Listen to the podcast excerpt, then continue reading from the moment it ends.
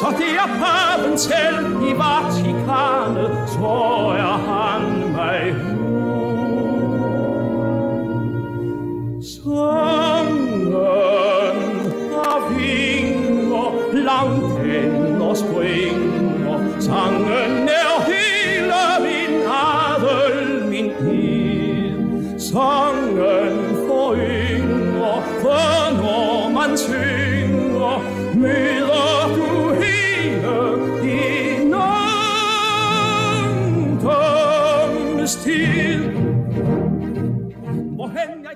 Hej kære lytter, det er ikke Shiv 413, og mit navn er ikke Jørgen Jorting. Det er Kammerzonen her på Radio 24 og mit navn er Morten Messerschmidt. Men det er en af de helt store klassikere, et af de helt store hits i dansk vaudeville, i den danske øh, musical eller øh, operette tradition, som vi, øh, som vi lægger ud med i dag. For det er netop det, der er dagens tema. Ikke dansk opera i den tunge karakter, som vi kender det fra Nielsen og Heise, men netop den lette musik. Ikke nødvendigvis let i sådan en teknisk forstand, men den måske lidt mere lytbare musik, som vi her hører med øh, Paul Bundgaard fra åbningen af netop operetten Farinelli. Når man synger, møder du hele din ungdoms tid.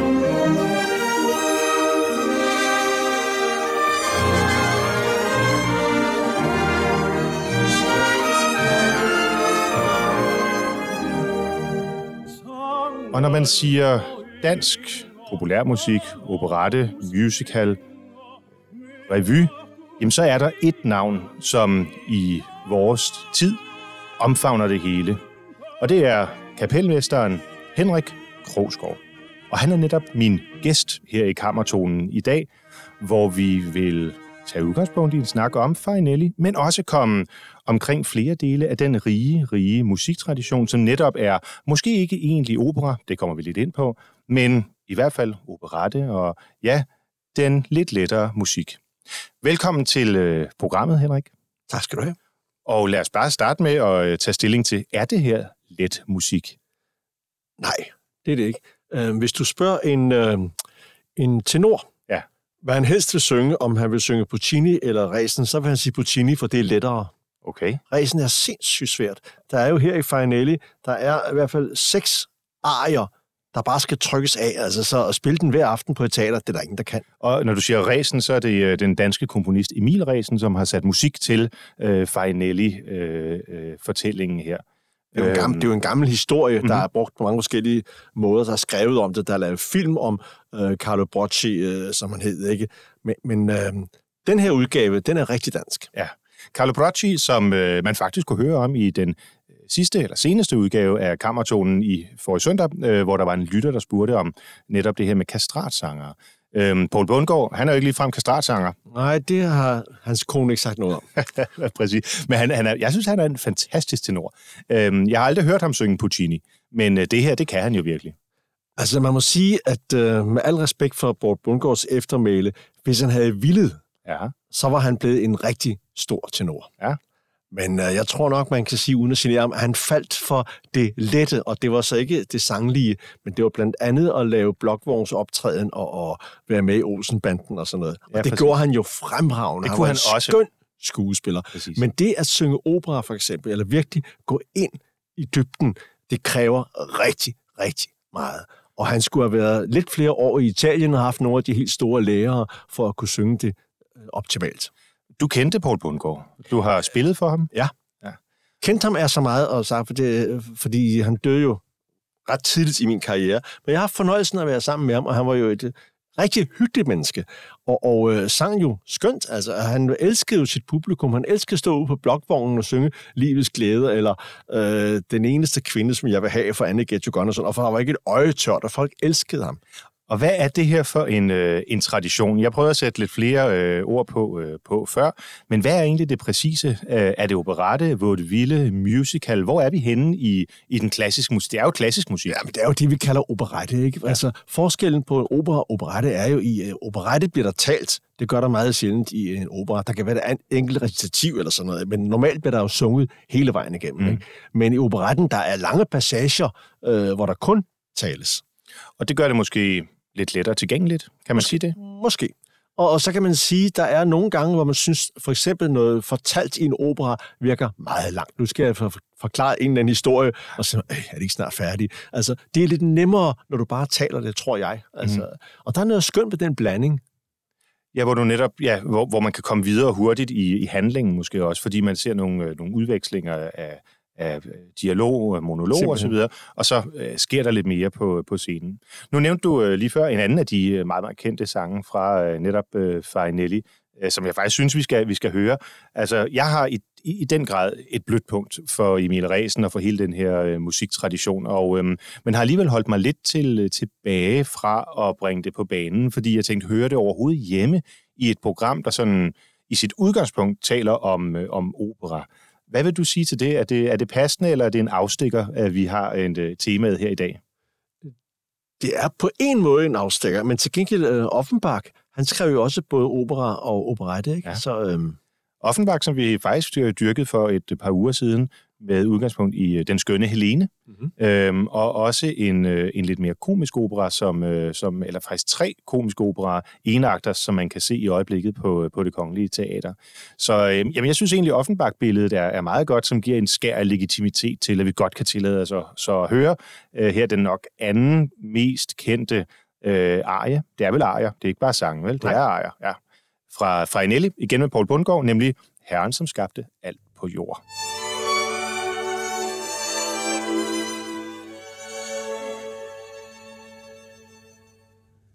Herren som skabte alt på jord, skabte vel også dette bord.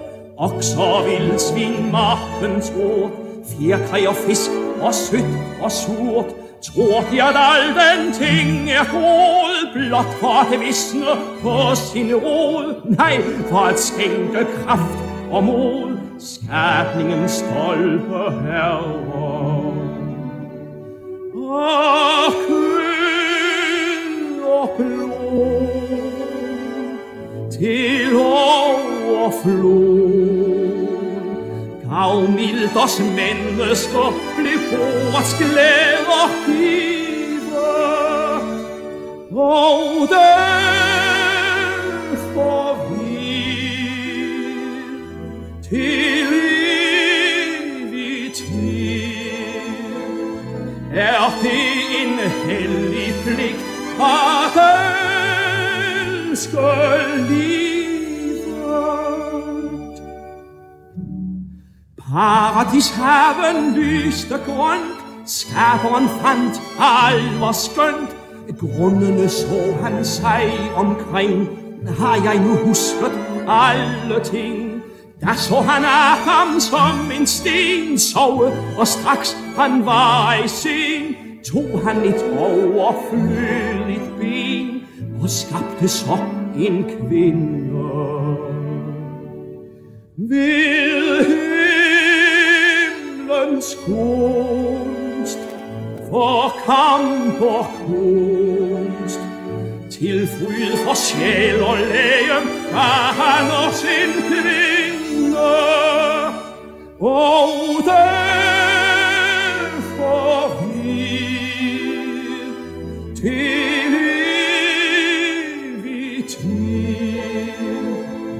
Er din en hellig pligt at elske hende? Og her forlader vi Poul Bundgaard, som øh, sang Herren, som skabte alt på jord igen fra Emil Resens Farinelli. Og det lyder jo, altså den måde øh, musikken er bygget op på, det er jo det, man vil kalde for en ABA eller en AABA. Altså det er jo sådan mere en, en sang, en lead-struktur, end, end hvad vi kender det sådan fra den klassiske arie, tænker jeg. Men øhm, hvor går man hen, hvis man gerne vil høre det her, øh, Henrik Krogsgaard? Har du sat, øh, har du sat Farinelli op? Desværre ikke, og jeg er blevet spurgt om det, eller rettere, den har været på tale flere gange, men det har været meget svært at finde en øh, person, der vil synge Farinelli. Er det rigtigt? Alle vil gerne i koncerter og, og lave den en gang. Altså, der, Ja. Jeg tror, alle tenorer elsker at synge øh, de numre, fordi de er meget, meget flotte. Men synge hele forestillingen, og så gøre det seks gange om ugen, eller syv, det er der ingen, der kan.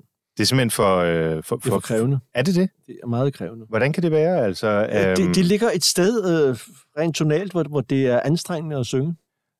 Jeg har hørt dig optræde et par gange med tenoren Gert Henning Jensen. Ja. Han synger det jo ganske virtuost. Det gør Men selv for ham vil det være øh, for voldsomt at lave som en fast produktion.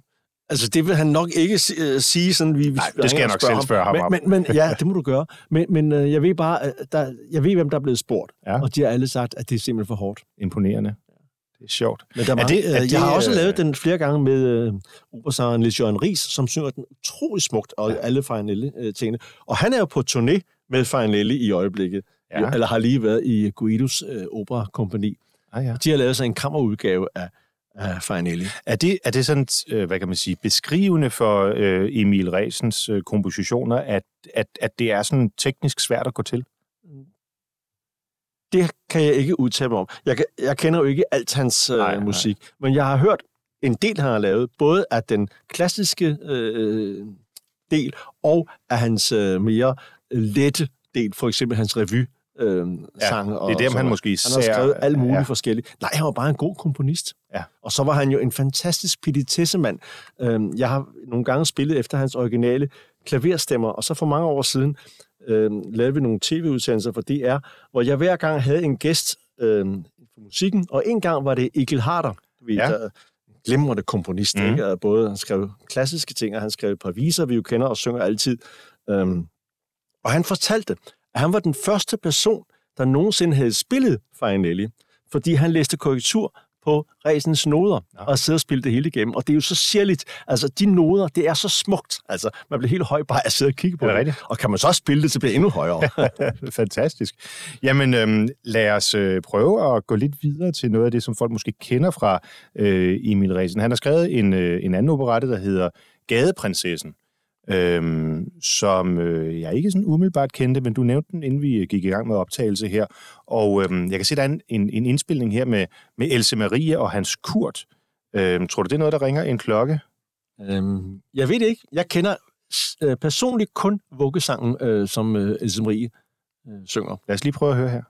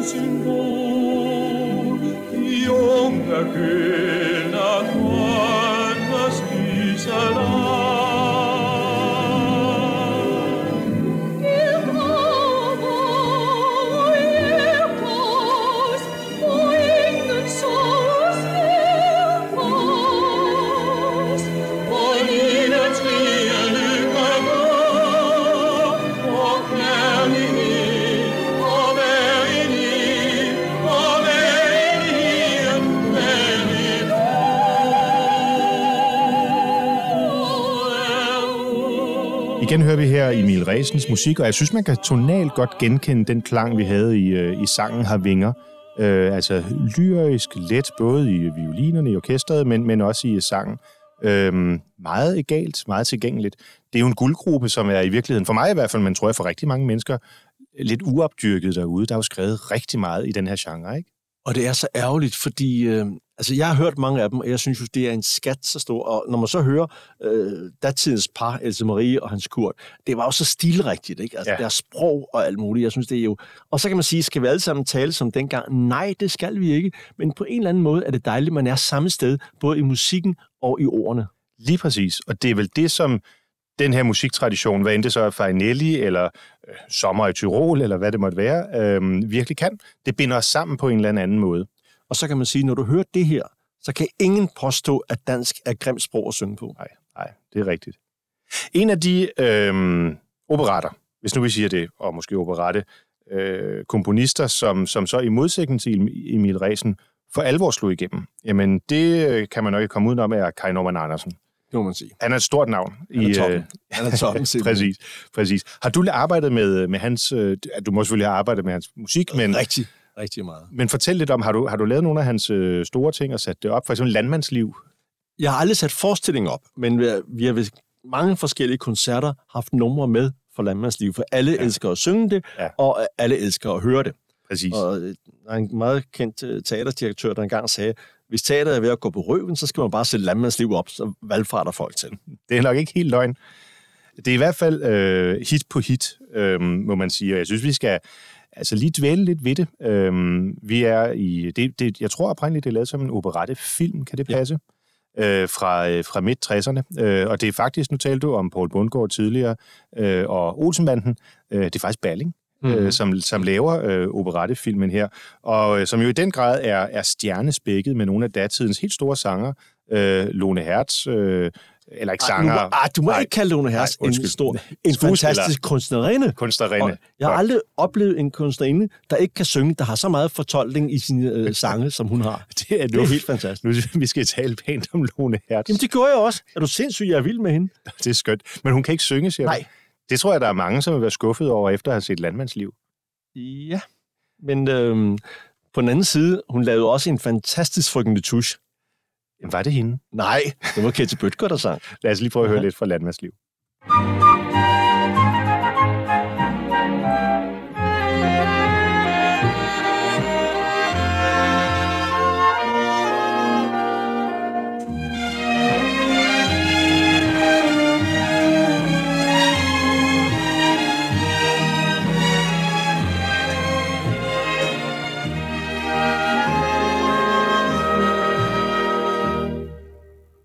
Hvorfor skal man stå og knalde kopper, hver gang den er gal, og hjertet hopper? Bare man da kunne få sat en stopper for det.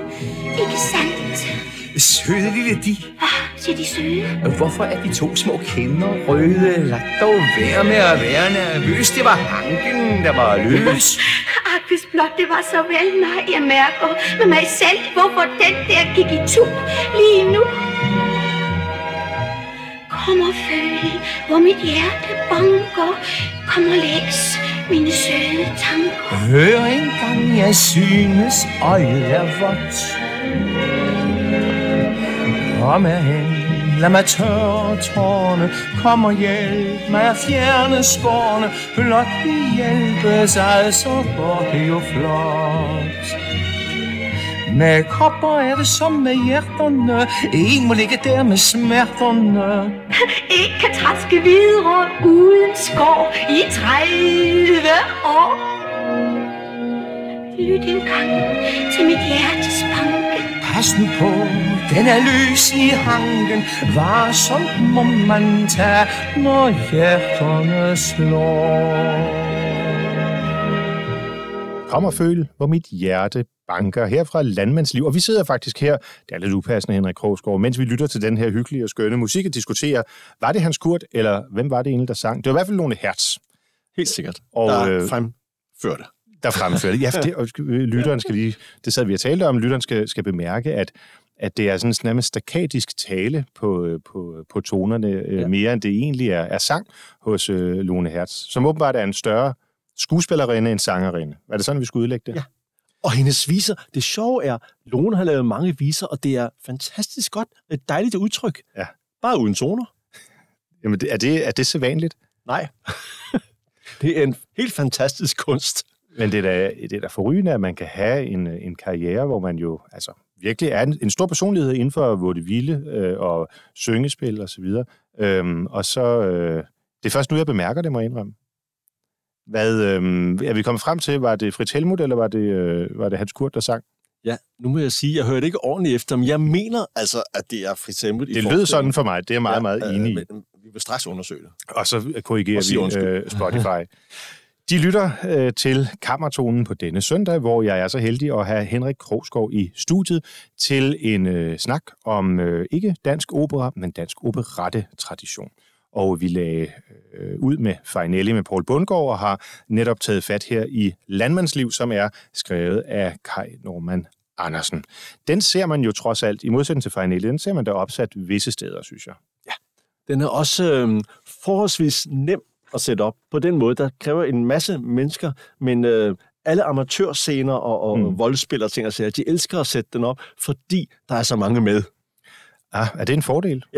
Hvordan Øh, det? Især de steder. Dels fordi, der får de jo ikke ret mange penge for det, men de trækker mange familiemedlemmer med og ser det. Så det, det er Er det altid sådan et godt. staldtips Det er inden for altid godt at have mange showbiz? med, ikke? Plus, at det er skønt at være mange på en scene. Altså, det er dyrt for en teaterdirektør, men det er skønt, når man har billig arbejdskraft og folk, der elsker at lave teater. Ikke? Mm. Og det kender jeg, øh, når jeg ikke laver radio, når jeg ikke laver politik, så har jeg en lille nebengeschæft ude på Djursbakken, hvor min kæreste Dot Westman driver Bakkens Hvile. Og øh, noget af det, der er det charmerende, jamen det er jo er jo at opleve, når folk de kommer og virkelig elsker traditionen, og gerne vil synge, og gerne vil være med, og gerne vil give noget, uden det handler om, at de nødvendigvis skal have et eller andet honorar, men simpelthen have kærlighed til at formidle de her øh, gamle, danske, traditionelle sange. Øh, du er ikke helt ret i det, du siger. Nej. det er jo dybt professionelt, det der sker for eksempel i Bakkens Hvile. Ja, på scenen, altså, men jeg mener dem, der scenen, kommer og fordi- siger, hey, jeg kan, må jeg prøve? Ja, Og... Men der er jo mange, der har fået lov at prøve, der bare ikke har det, der skal til. For det er noget særligt. Jeg mener, der er ikke, jeg kan ikke nævne andre, der du kunne sætte til at lave en vise, som Lone Hertz gør, og slippe afsted med det, uden at kunne synge. Nej, nej, det er rigtigt. Altså, Det er, en, det er en fantastisk... Er det traditionen, eller er det personen, der gør det? Eller er det begge dele? det, det er personen. Det er personen. Øh, Sidst jeg så Lone Hertz, så sluttede hun en forestilling af med at synge, fremsige, pige træde varsomt. Den har aldrig haft så meget mening. For, jeg har hørt den hundredvis af gange. Den har aldrig for mig haft så meget mening for. Fordi hun mente hvert ord, og hun Mm. havde selv været der hele vejen igennem. Ja. Det var det, der var helt fantastisk. Ja. Altså, Jeg kan huske godt høre, jeg er ret stor fan af Lone Hertz. Det fornemmer man, det fornemmer man tydeligt. Det, det er lige, vi skulle dedikere programmet her til, til Lone Hertz. Øh, det, det gør vi ikke, men vi slutter alligevel af med, øh, med øh, endnu et øh, stykke musik fra, fra Kai Norman Andersens Landmandsliv, og der har jeg så i protest valgt øh, Grete Tordal og Helle øh, Kærel Schmidt, som øh, vi her skal høre i Undskyld her, hvor jeg byder dem et kirsebær. Gyser, pine, hildemænd, jeg er elle vild med at løse gåder op. Kan godt lide vilde mænd. Ja, men pige lille, Ja, hvad er der? stop, stop, stop. Må jeg lige minde dig, Ja, det må du godt. om jeg er en ældre mand? Jamen, hør, jeg kan en leg. Kender du den ikke? Nej, sig mig, hvordan den er. Sådan. Undskyld her. Må jeg byde dem et kirsebær? Et der er sødt, et der er blødt, et der er rosenrødt. Ja, ja, ja. Tæl til ti, og så luk det lille øje i. Så kan jeg selv tænke mig til, hvem der skal spise det. Jeg er i den syvende himmel. Åh, hvor er jeg dog svimmel. Tungen lige i gælder det liv eller død. Derfor gentager jeg undskyld her. Må jeg byde dem et kirsebær? Et er sødt, Et er blødt. et der er rosenrødt. Død og pine, den er god. Jeg vil lege mere. Tænk, mit lille hjerte slår. Jeg med dig vil være to. Takker. Og jeg beder, giv jeg kun var 17 år. Tid nu. Er der Ja, der er. Bare holde kedlen varm. Du er fin og blid endnu. Du kan vække splid endnu i min lille jomfrubar. Undskyld her. Må jeg byde dem et kirsebær? Et er sødt, et der er blødt, et er rosenrødt.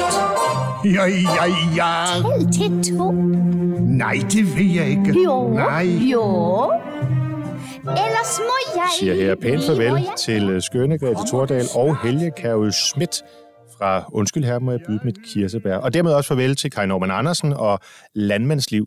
Og lidt farvel i den forstand også så til den danske øh, operettetradition. Eller er det nu det? Ja, det er faktisk det store spørgsmål, når vi nu bevæger os videre her til øh, en anden øh, komedie, øh, som er sat til, til musik, øh, nemlig Hostrups Eventyr på fodrejse. Og det er også et stykke musik, eller et, et værk, som du øh, kender ganske indgående, Henrik. Ja, nu er vi øh, så inde i vaudevillerne, der er jo lidt før øh, Mhm. alt det her, øh, vi har snakket om op- operette. Og, øh, og der var en, desværre, kan man sige, en tradition med dem alle sammen.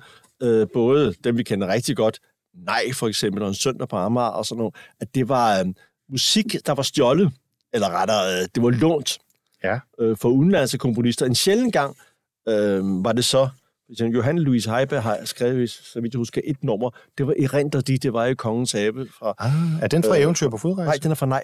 Den er fra nej, ja. Mm. ja. Øh, og ellers er det sange, der er taget øh, fra en udenlandsk sangskat. Og her er vi, som du siger, jo altså så 100 år før. Ja. Ja. Altså hvor Farinelli og Landmandsliv og så videre er skrevet i 1950'erne, 1960'erne, så er øh, at de her, komedien af Hostrup for eksempel, den er fra øh, midten af den 1900. Der står faktisk her foran mig, at den havde premiere den 15. maj 1848 på det Mm. Kongelige Teater. Og derfor så er vi i, øh, i Heiberg-tiden. Øh, et ægtepar, øh, som øh, Anne-Louise Heiberg og, øh, hvad hedder han, AP, PA Heiberg, øh, der virkelig øh, fyldte i, øh, i datidens øh, musikliv. Og øh, det er så ikke dansk musik, men det, det er en dansk fortælling. Altså, enkelte ting er danske, men langt det meste er, er udenlandsk, altså.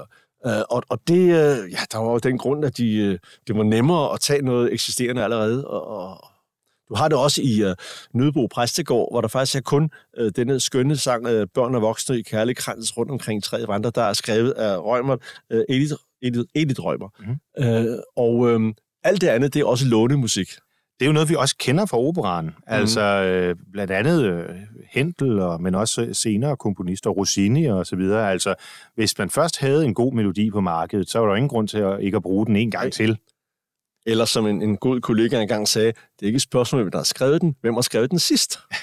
Ja, fordi det er dem, der så får den, øh, den seneste øh, Royalty, ære. ja. Ja, præcis, og royalty, mm. præcis.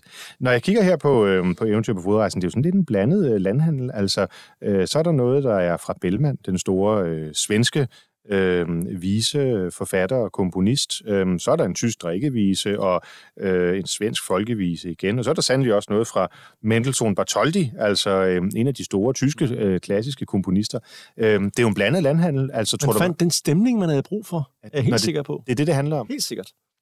Så, øh, så i stedet for at sætte sig ned og lade sig inspirere af teksten og sige, hvad, hvordan kan vi formulere det her i, øh, i musik, så har man kigget rundt og sagt, hvem har allerede følt det her før, og så har man fået det til at passe. Eller også hører man et stykke musik og siger, det kunne jeg godt tænke mig at skrive noget på. Mm-hmm. Det er jo det, som mange, øh, det jeg kalder lokalrevyer, gør øh, nogle stunder. At de finder nogle stykker musik, de siger, oh, det inspirerer mig, altså en forfatter gør, det inspirerer mig til at skrive et eller andet. Så gør man det, man ikke må, men håber, det ikke bliver opdaget.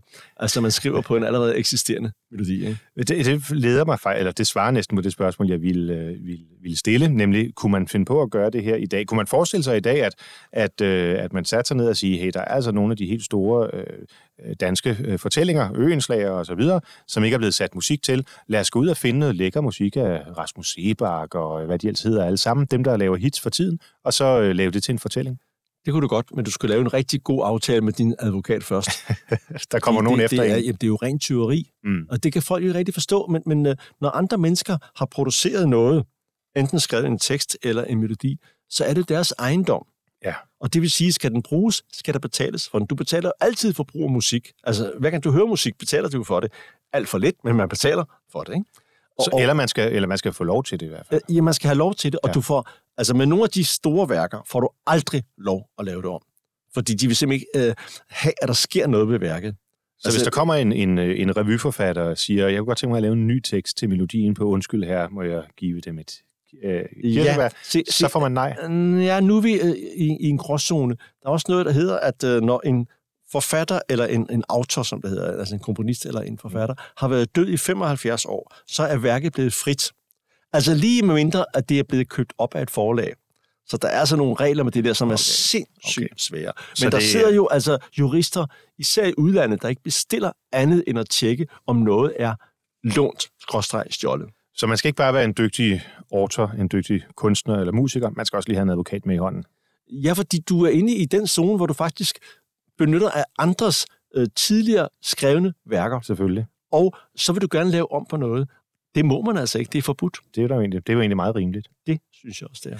Tilbage til fodrejsen her. Det er en fortælling af den øh, nordsjællandske, jeg tror også, han var præst egentlig, Hostrup.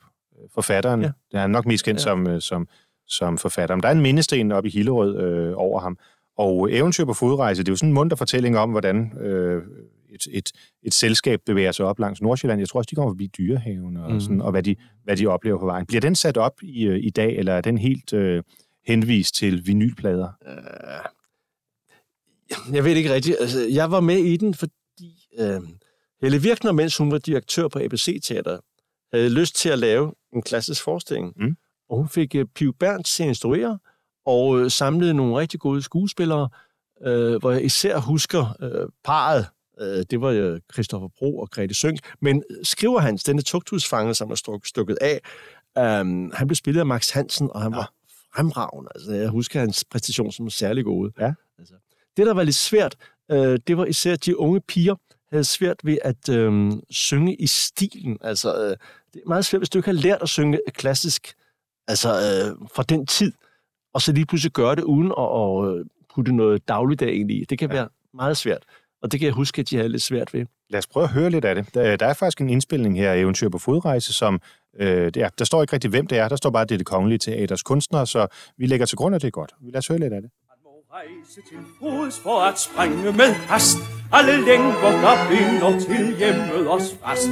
Man som fuglen i luften må tumle sig fri For at glemme det daglige livs røvleri For at blive kulturen og moderne kvitt Og de huslige glæder os visit for at løse sin ånd fra de strammende bånd, tager man renslen på nakken og staven i hånd.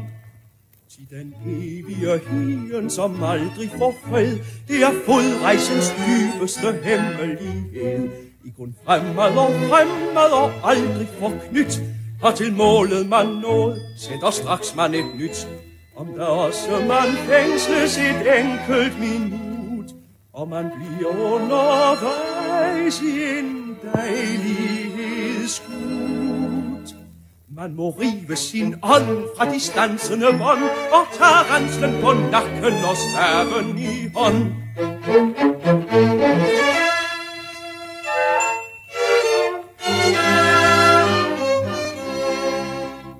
Når aldrig en frysende håndsag sig søger i naboens lomme, gemmer vel ingen sit liggende fag Hvad jern og træ.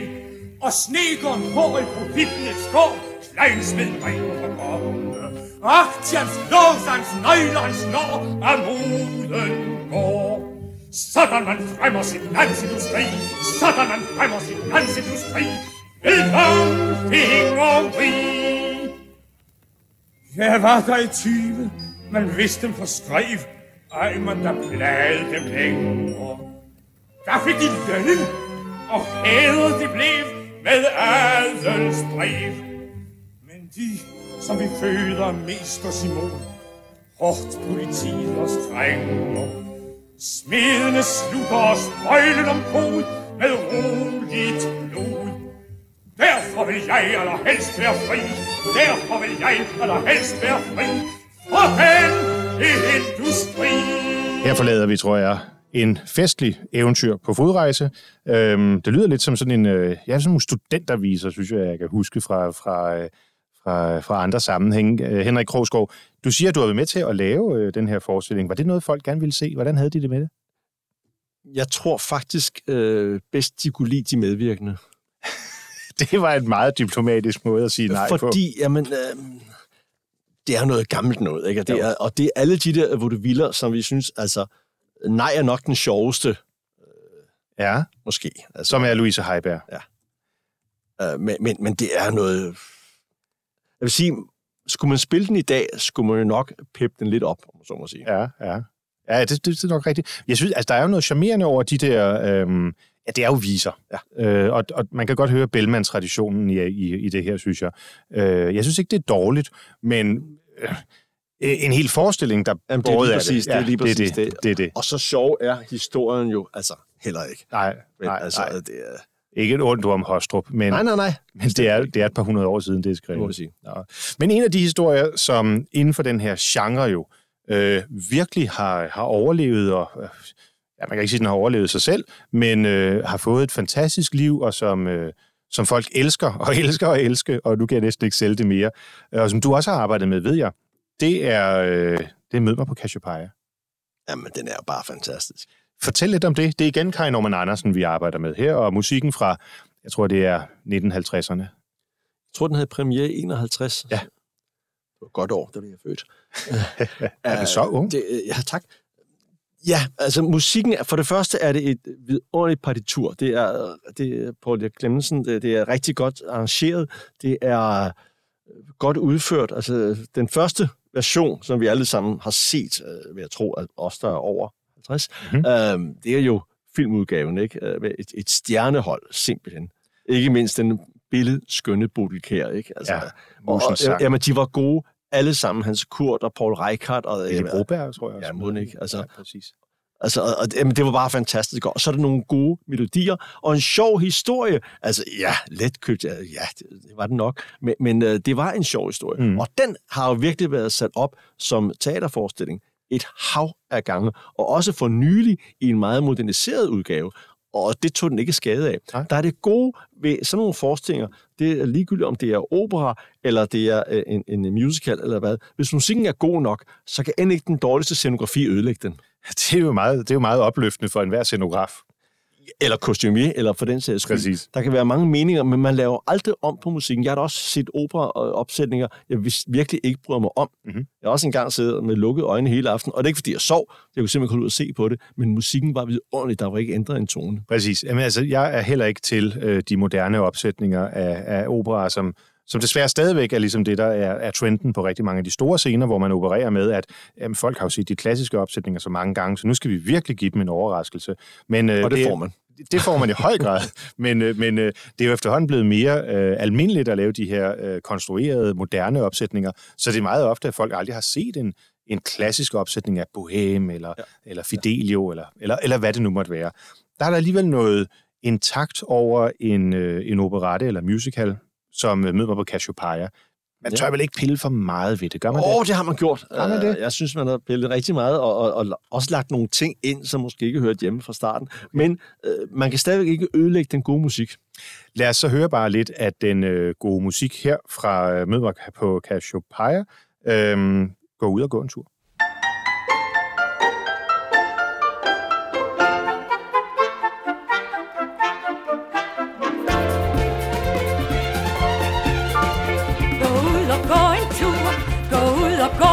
Gå for højt på himlen. Sidder stjernerne på lur, og nat og gal og gøj er oplagt til en spøj. Så bare ud og gå i konvoj.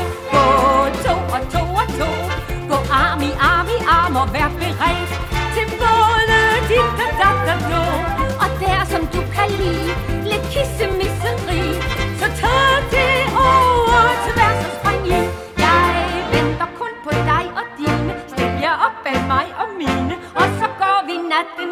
i godt humør og gå så gang. Gå ud og gå en tur, gå ud og sig goddag til onkel Måne, hvilke vejen og Merkur. Vågn op af jeres lur, i hvert et jomfrubur, så gå vi ud og gå os en tur.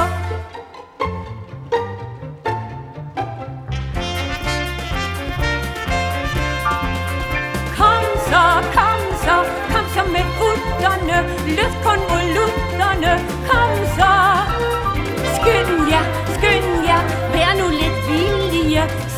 familien, skøn skynd jer. Følg mig, følg mig, tykke og tynde mænd, grimme og kønne mænd, følg mig. Gå så, gå så, ud på barakkerne, rundt i gemakkerne, kom. Gå ud og gå en tur, gå ud og gå og gå og glem at du er søvnig og salpetersur så fusserne i gang, løft hæl og vrist og svang. For natten, den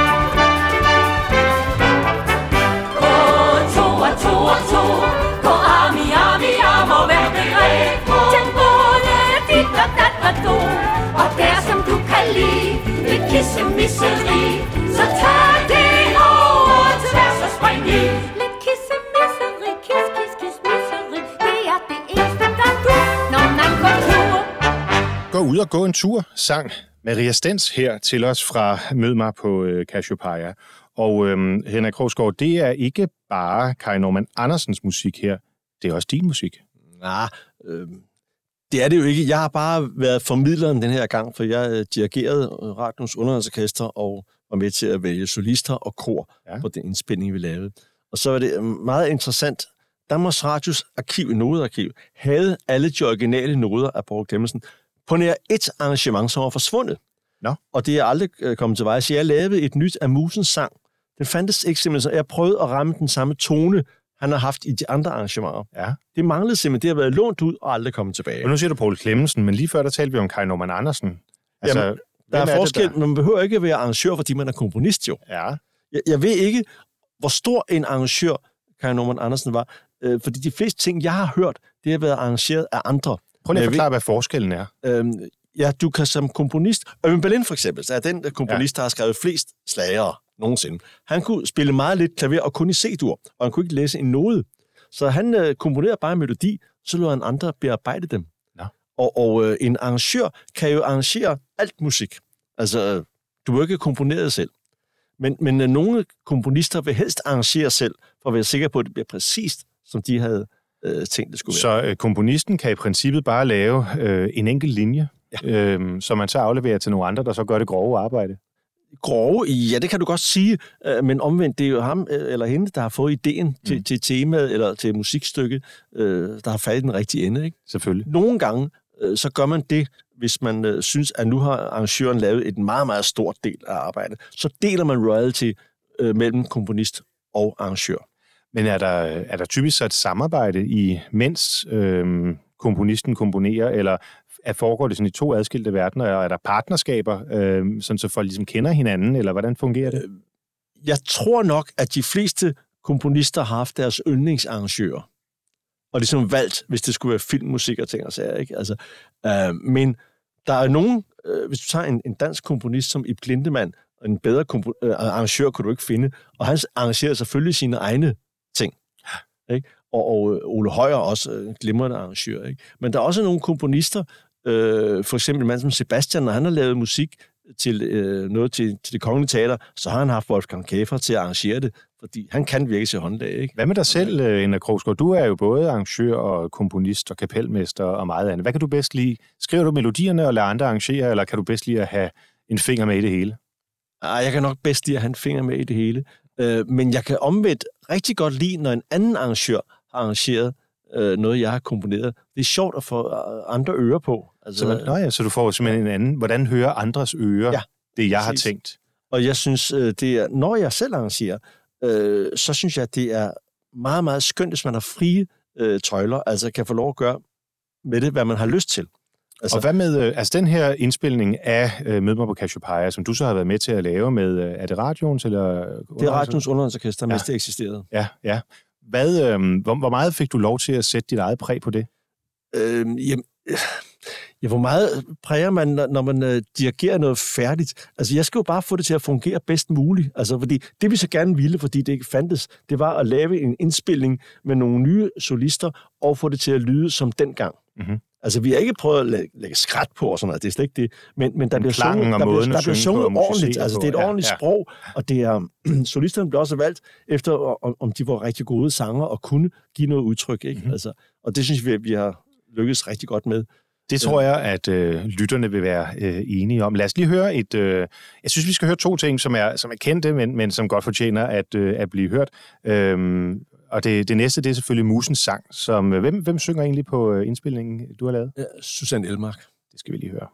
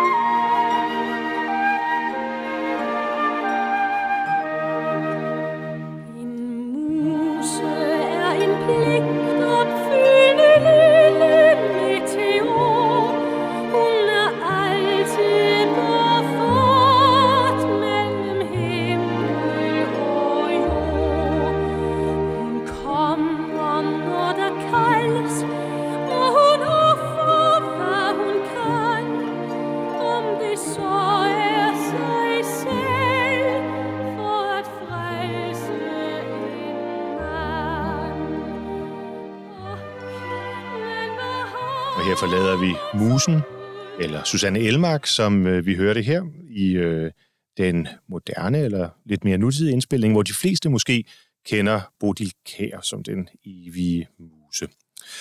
Henrik Korsgaard, du er vel en af de øh, kunstnere, der har været øh, i øh, dansk musiksliv øh, længst. Jeg tror, øh, hvis man slår dig op på Google, så bliver computeren rødglødende. Øh, alt lige fra Melodi Grand Prix øh, til revy, og, og altså også både vaudeville og, og operetter.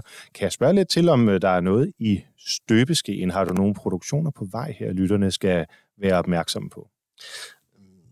Ja, det har jeg. Men nu, nu har vi sprunget nogle ting over, for eksempel øh, nej. Jeg har nævnt den et par gange. Det er Ja, fordi, jeg kan simpelthen ikke finde den. Nej, og, og det er simpelthen fordi, det var den første, jeg lavede, da jeg kom i drengekoret, det der hed det danske drengekor. Øh, der havde vi altid, når der var øh, efterårstur rundt i, i øh, Danmark, i den uge, der var skoleefterårsferie, der for uden at give koncerter, så spillede man en af de der vaudeviller, for eksempel en søndag ja. på Amager, eller Abekatten, eller nej. Og det er det første, jeg husker, der var jeg så 10 år gammel, øhm, da jeg var med til at sætte sådan en forestilling op. Og det var jo kun drenge, så ligesom Vindersinger-knappen, så skulle vi jo spille alle rollerne, både drenge og piger, og gamle og unge Ja, og ting. ja. sager. Men det var jo vældig sjovt.